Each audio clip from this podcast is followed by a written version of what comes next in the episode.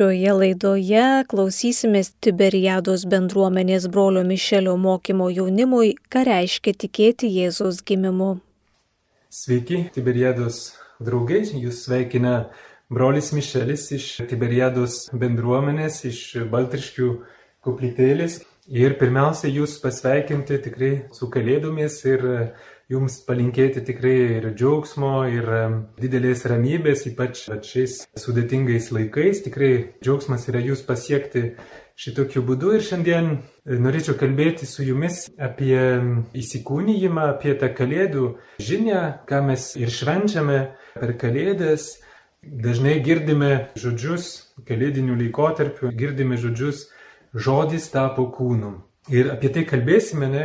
Ką tai reiškia, kad žodis tampa kūnu, ką reiškia va, tikėjimas Jėzaus gimimu. Jeigu jūs apsilankysite bažnyčiose, tai gali būti, kad girdėsite, kaip melžiamasi viešpaties angelo malda ir maldoje skamba tie žodžiai, žodis tapo kūnu. Tai aš atsimenu, vaikystėje nelabai suprasdavau tų žodžių, bet atsakydamas arba atsakymas būdavo ir gyveno arba ir apsigyveno tarp mūsų. Ir pagalvodavau, būdamas mažų vaikų, kad jeigu kaip nors susijęs su Dievu, tai kad apsigyvena Dievas su mumis, tai galėjo būti tikrai labai teigiamas dalykas. Taigi, kas yra įsikūnyjimas? Toksai ilgas žodis, na, šiek tiek keistai skambantis, bet aš manau, kad iš tikrųjų įsikūnyjimas, tai arba ta savoka, va, ta, ta doktrina, ta žinia, mes leidžiamės į kelionę į krikščionybės iš tikrųjų esmę. Tai dažnai sakome, kad liturginiuose metuose yra tarsi dvi viršūnės, tai vad Kalėdos ir Velykos. Ir Kalėdos tai tikrai yra pirma viršūnė, be kurios ir nebūtų kitos. Ne? Dievas ateina į mūsų pasaulis, vad Dievas tampa žmogumi, tai yra pirma, sakyčiau, netgi pamatinė Evangelijos žinia, teologinė žinia, tai yra tiesa apie Dievą, kurią krikščionybė neša į mūsų pasaulį. Vadinasi, dievystė darosi artima žmogui ir tai daro tokiu lygiu, kurio neįmanoma pranokti. Vardas Emanuelis, kuris yra suteiktas Mesijui, ne, kur tai yra antras Jėzaus vardas, galėtumėm pasakyti, tai reiškia Dievas yra su mumis. Tai būtent įsikūnyjimas tai ir reiškia. Ir kalėdų žinia tai yra, kad Dievas pasidarė mums artimas. Tai ta žinia yra nuo pat ankstyvosios bažnyčios gana skandalinga žinia. Tai Velykų įvykis, tai Dievo mirtis ir prisikėlimas, tai tik tai aštrina tą skandalingąją žinę. Nes tikrai kalėdų žinia, tai kad Dievas tampa žmogumi, tai jau yra šoks toks tikrai skandalas. Kaip sako Šventasis Paulius, nors jis tai kalba apie Jėzų nukryžiuotąjį, bet galėtumėm ir priskirti apie gimusi Jėzų, ne, tai mes kelbėme Jėzų, kuris žydams yra papiktinimas, o pagonims, tai yra greikams, yra kvailystė. Nes tikrai antikos laikais Buvo tokia nuomonė, kuri buvo atėjusi iš Platono, vos nedogma, visiems priimtina tokia tiesa, jog, aš cituoju Platoną, joks dievas niekada nesimaišė su žmonėmis. Ir dievų kilnumo akivaizdus bruožas yra tas, jog niekada nesiteršia prisilietimu prie mūsų. Vadinasi, kad dievai, jų pagrindinis bruožas yra būtent tas, kad jie neturi sąlyčių su žmonėmis. Žmogiškumas, kūniškumas, medžiaginis žmogus graikų filosofija yra sunki našta ir apskritai galbūt blogis, ne, nuo kurio reikėtų išsivaduoti. Svarbi yra žmogaus dvasia, dvasios kilimas į dievystę. O medžiaginis žmogus, na, nėra reikalingas išganimo, nes jam skirta kaip tik ir išnykti, ne, bet taip išnykti. Žydams buvo taip pat nepriimtina žinia, ne dėl antropologinių dalykų, dėl, ne dėl žmogaus egzistencijos koncepcijos, ne, bet dėl grinai teologinių motyvų, kad jų įsivaizdavimas apie Dievą tiesiog jam neleido įsikūnyti, nes viena vertus Dievas yra žmogui neregimas. Tikrai pakartautų įstatymų knyga apie tai daug kalba, ne, kad negali žmogus matyti Dievą ir išlikti gyvam. Ir kita vertus, Tai grinai monoteistinis judaizmo tikėjimas negalėjo įsivaizduoti, kad neturėsi kitų dievų, ne? Negalėjo įsivaizduoti, priimti tokios pikžodžiaujančios žinios, kad Dievas turi sūnų, tai yra savo lygių. Taigi krikščionybė skelbia kažką, kas yra visiškai nauja, nauja žinia apie Dievą ir gana skandalingai tai skelbia. Galima sakyti, kad visas Evangelijos originalumas ir naujumas čia tos įsikūnyjimo savokoje telpa. Ankstyvosios bažnyčios tėvas, šventasis Irenėjus Lionietis, kuris gyveno antrame amžiuje, tai skelbė trumpų šūkių. Cituoju, save patį atneždamas į pasaulį, Kristus atnešė bet kokį naujumą. Ir garsusis vyskupas Robert Barron, kuris yra Los Angeles viskupo padėjėjas, auxiliaras, savo knygoje Katalikybė, kuri yra išversta į lietuvių kalbą, rašo štai. Svarbiausia krikščionybės žinia, nepaliaujanti mus stebinti jau 2000 metų, yra ta, jog Dievas tapo žmogumi. Kosmoso kuriejas, netelpantis į jokius apibrėžimus ar koncepcijas, priėmė mūsų prigimti ir tapo vienu iš mūsų. Kai galaktikų ir planetų kuriejas tapo kūdikiu, nesugebančiu net galvos pakelti, tuomet, pasak krikščionybės, begalybė susitiko su baigtinumu, amžinybė apsikabino su laikinumu.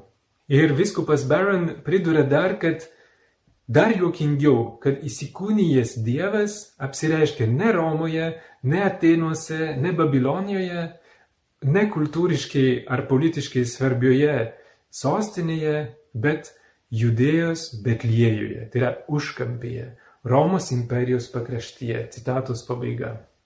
Iš knygos Katalikybė. Taigi šiame mokyme trumpai pažiūrėsim, kaip atsirado tas vadinamas įsikūnyjimas, kaip ta žinia tapo kertiniu akmeniu mūsų tikėjime ir kaip po truputį krikščionys suvokė to svarbą.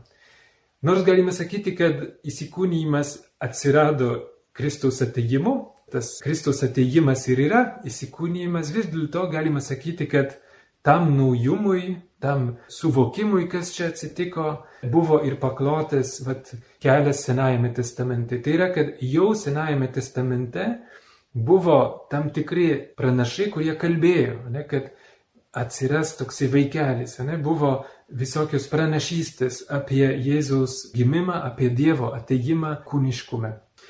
Antroje šio mokymo dalyje nagrinėsime tai, ką įsikūnyjimas ir tikėjimas Dievu tapusiu žmogumi keičia mūsų krikščioniškame gyvenime. Ką tai keičia mano realybėje, mano sprendimuose. Ir mes matysim, kad tai turi gilias pasiekmes etikos ir moralės sritise, taip pat ir pasaulyje žiūra apie tai, kas yra žmogus, antropologinė pasaulyje žiūra. Tai matysime, kad yra daug tokios krikščioniškos žinios išplaukiančių dalykų, kurių esame kviečiami daryti arba vengti dėl to, kad mes tikime įsikūnyjimu. Taigi pirma dalis pavadinau tą dalį Marija stebėjosi ir laikė šios įvykius savo širdyje. Esame kviečiami dabar stebėti Kristų Evangelijose ir tai, ką jis daro, ką jis kalba ir taip toliau. Ta eilutė, kurią aš cituoju, vad Marija stebėjosi ir laikė šios įvykius savo širdyje, tai yra, man atrodo, pagrindas įsikūnyjimo savokos nagrinėjimui. Įsikūnyjimas yra, kaip sakiau, teologinė savoka, kuri tiesiog išplaukia iš stebėjimo. Pats Jėzus niekada nevartoja šito žodžio, Tai yra daug vėliau atrastas žodis, kuris nusako tą esmę, bet esmė buvo tai, kad Jėzus buvo kažkoks įdomus, keistas žmogus, aplinkiniai jį stebėjo. Ir mes kalbėsim apie penkis dalykus, kurie yra vieni su kitais susiję, kurie buvo stebimi Jėzaus asmenyje. O ką žmonės stebėjo? Kas tie penki dalykai, kuriuos žmonės stebėjo Jėzaus asmenyje? Tai pirmiausiai bus jo mokymas, ką jis kalbėjo. Po to bus jo gale. Tai ką jisai darė ir ypatingai stebuklai. Ne, bet Jėzus buvo stebukladarys.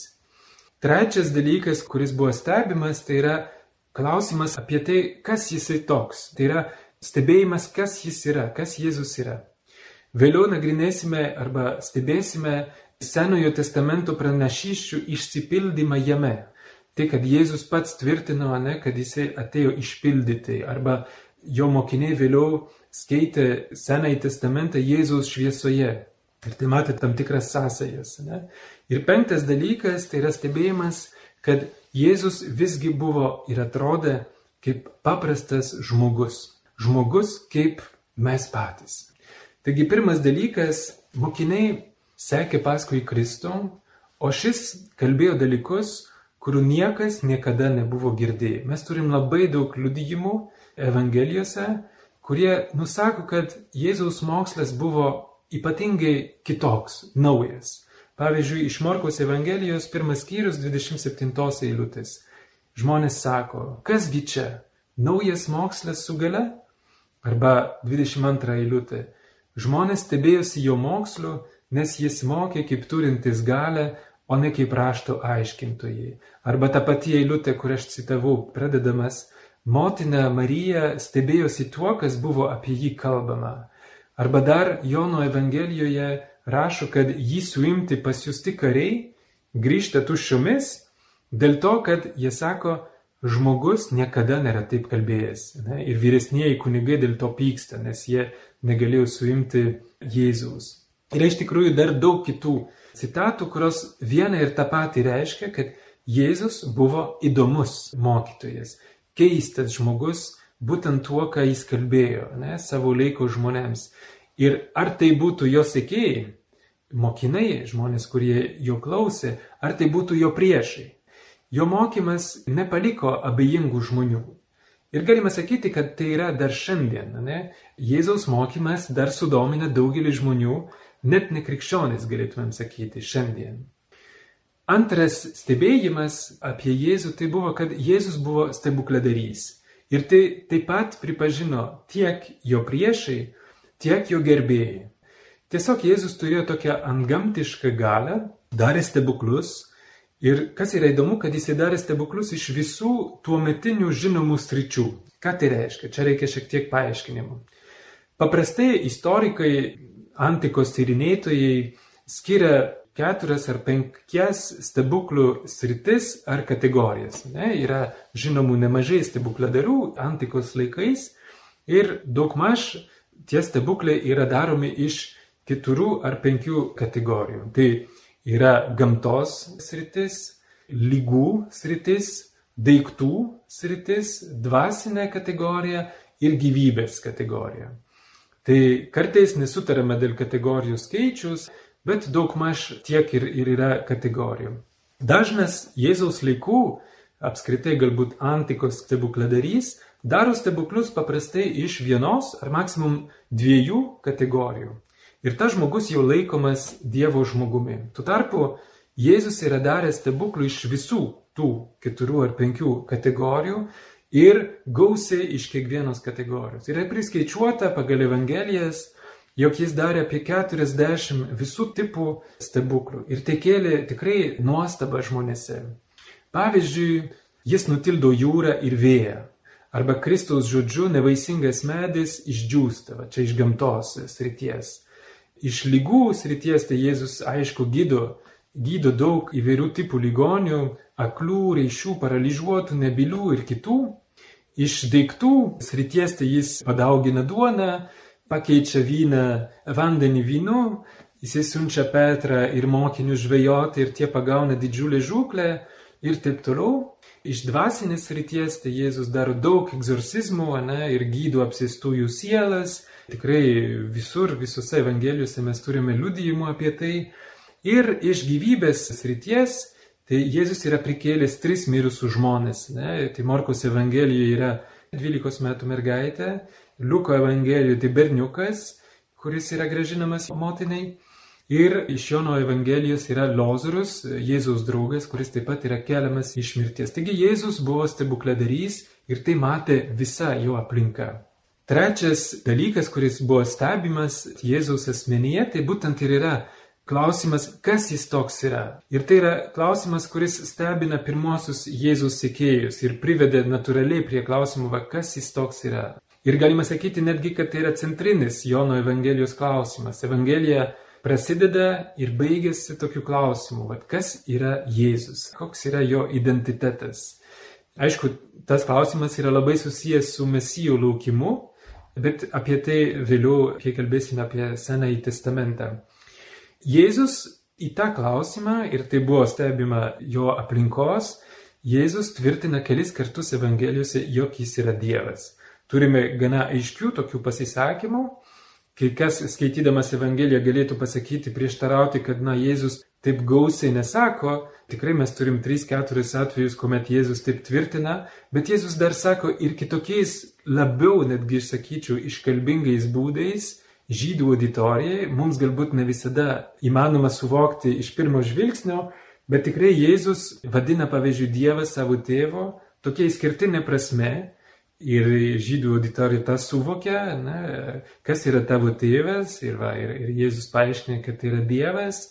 Jisai tvirtina, jog jis turi specialią tokią prieigą prie Dievo, kokios joks žmogus neturėjo anksčiau žemėje.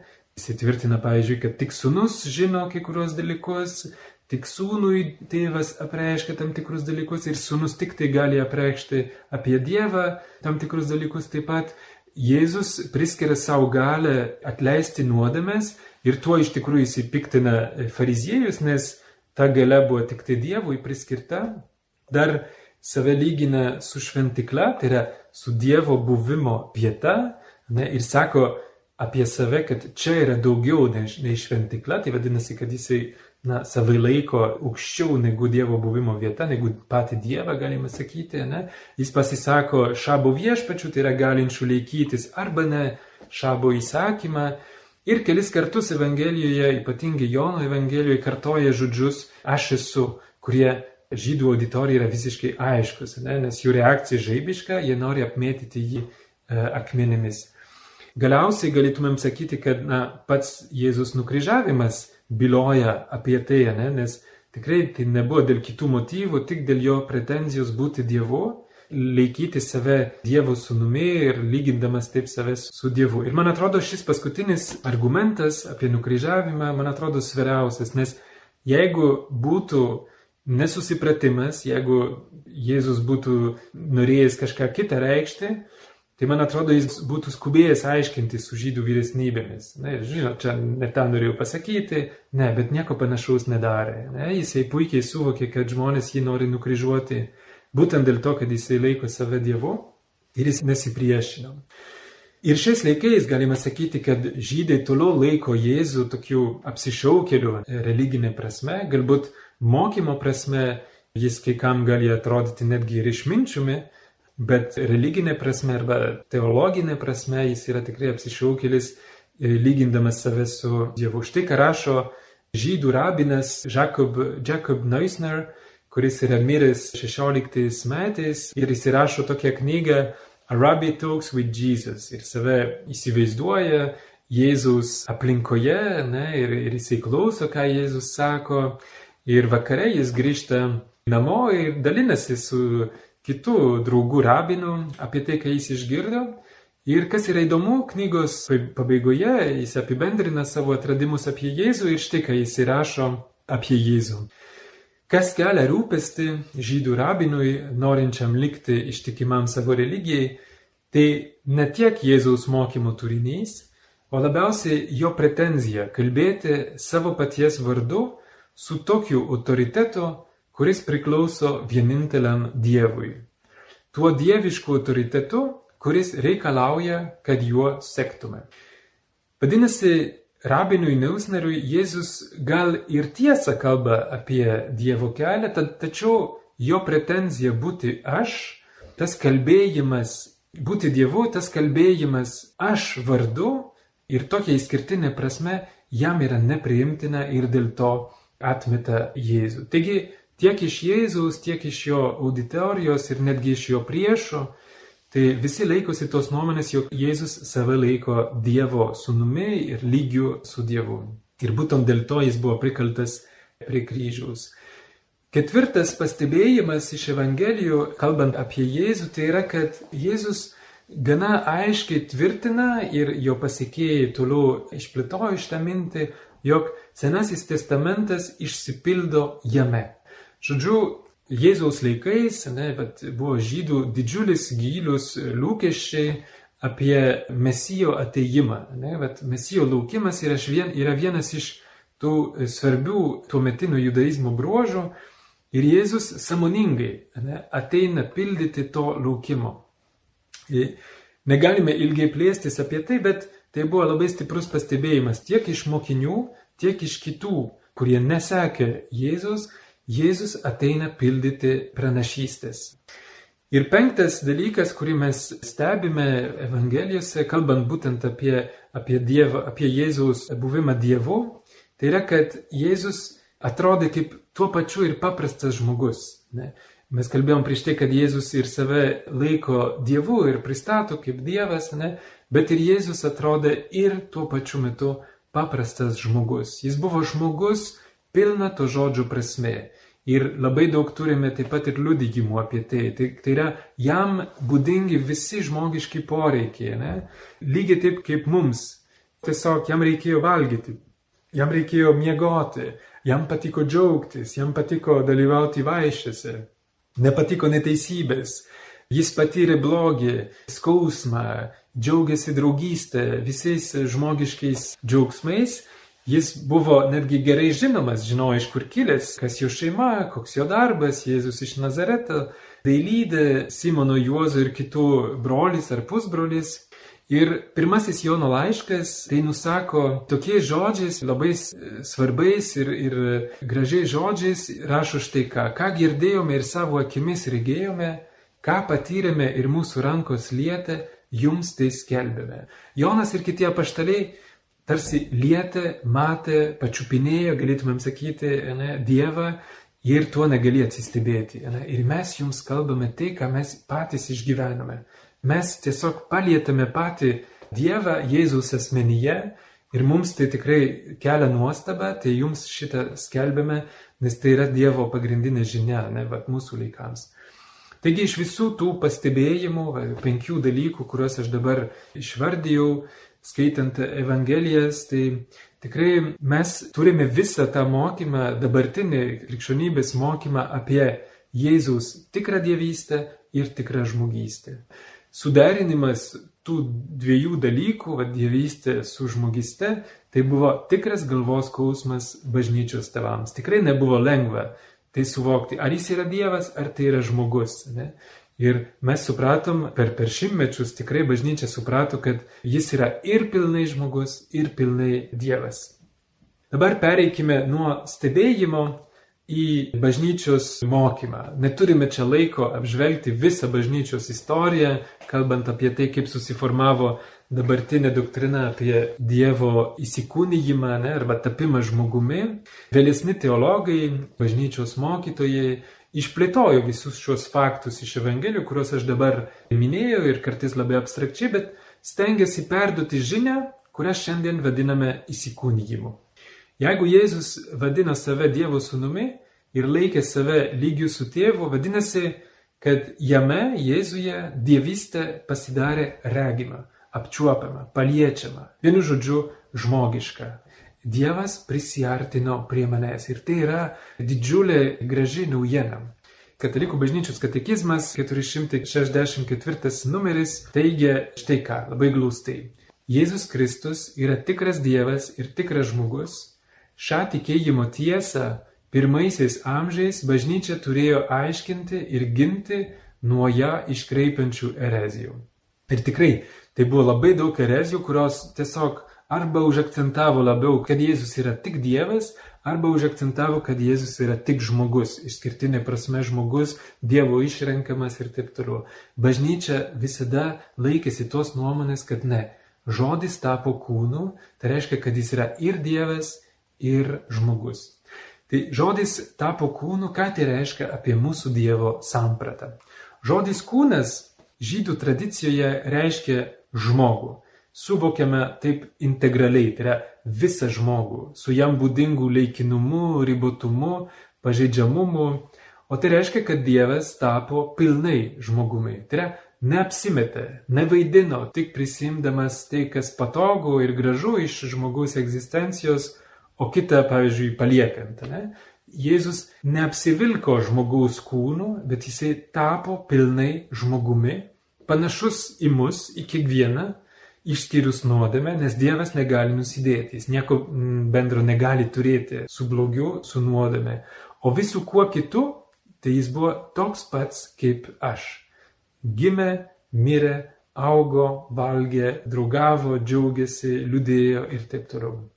O žodis, žodis, žodis tapo kūnu, žodis tai yra kilęs iš greikų filosofijos, o tai reiškia visuotinį pasaulio tvarką, dėsnį, pradą, suteikiant kosmosui, visam sukurtajam pasauliui tam tikrą prasme, reikšmę ir kryptį. Stebėdami pasaulį, pirmieji filosofai, greikai, sakydavo, kad jame randa tam tikrą tvarką, kuri nusako apie kurėjo sumanimą. Yra tam tikra tiesa tame, ne, ir šiandien, pavyzdžiui, mes žinome, kad pasaulio vat, klimato atšilimas, pavyzdžiui, tai kalba apie tai, kad mes galbūt neįsiklausėme ne, į, tą, į tą žodį, kuris, yra, kuris skamba galbūt taip gamtoje. Tai pasaulį kuriejas kūrė racionaliai. Ir tai, kad žmogus geba iššifruoti pasaulio kalbą, suvokti jo žodį, jo kalbėjimą, tai sako apie tai, kad pats žmogus dalyvauja tame žodyje, ne, kad jis yra gebantis Dievo sumanimą suvokti. Tai buvo iš greikų filosofijos, galime sakyti. Biblijos kontekste žodis yra dieviška gale, kuriant pasaulį, taip bendrai ir trumpai pasakojant. Tai Dievas tarė ir tai atsirado. Jisai kuria pasaulį savo žodžių kalbėjimu. Ir Dievas toliau kalba Biblijos istorijoje, ne, bet žmonijos istorijoje, jis kalba per pranašus, jis įdėjo savo žodį jų lūpose ir tie kalbėjo. Galime sakyti, kad savo žodžiu Dievas kuria ir veda pasaulį į tam tikrą tikslą, ne, jam suteikia tam tikrą kryptį ir prasme. O iki Kristaus tas žodis skambėjo pasaulyje per tam tikrus tarpininkus. Dievas tarsi pirmių asmenių nekalbėdavo žmonėms, o per atstovus. Ar tai būtų pranašai, ar tai būtų netgi, galima sakyti, pati gamta. Pavyzdžiui, yra tokia labai graži psalmė, 18 psalmė, kuris sako, ne, kad dangus kelbė Dievo garbę. Ir tarsi pasaulio grožis kalba apie jo kurėją, apie ką ir Augustinas daug kalbės. O laiškas žydams ir taip pat ir Jono Evangelija, tai sako, kad dabar Paskutiniu laiku, tai yra Kristus ateimo laiku, Dievas tiesiogiai kalbėjosi su žmonėmis per savo žodį, per savo įsikūnijęs žodį. Jėzaus mokymas bei visas jo gyvenimas yra visa tai, ką Dievas nori pasakyti žmonijai. Visos Jėzaus labai konkrečios gyvenimo detalės, kabutėse, kalba apie Dievą. Tai nieko nėra jame, kas nekalbėtų. Ir todėl įsiklausyti į Kristų kontempliuoti jo gyvenimą, stebėti, ką jis sako, kaip jis elgesi ir taip toliau, tai yra Dievo pažinimo raktas, galėtumėm pasakyti. Ne? Reiškia stebėti, pažinti labiau Dievą ir jo stilių. Galima pridurti netgi, kad Dievas išskirtiniu būdu kalbėjo per savo sūnų ir greičiausiai jis nesikartos. Jis viską yra pasakęs per savo sūnų kartą visiems laikams. Ir tuo norima netgi pasakyti, čia tarp kitko, kad kartą tapęs žmogumi, kai Kristus negali vėl įsikūnyti viename arba kitame kūne, jis pilnai tapo žmogumi ir jisai kabutėse nešoja arba turi savo kūną, nors ir neturim savo kūno, o esame savo kūną tai jis turi savo kūną amžinai, ne? ir jisai netgi amžinybėje yra įžengęs į dangų su savo kūnu, kuris yra visiškai perkeistas ir šviesoje, Dievo šviesoje, bet tikrai tas pats Jėzaus kūnas yra dabar amžinybėje. Tikrai mes neturime tokią avatarų, ne doktriną, tarsi Jėzus įsikūnytų kas, nežinau, šimtą metų arba ir vis kitoje vietoje, ne. Dievas nedėvi kūno kaip paprastą rūbą, ne, bet jisai apsigyvena kūną ir jį pasilieka visam laikui.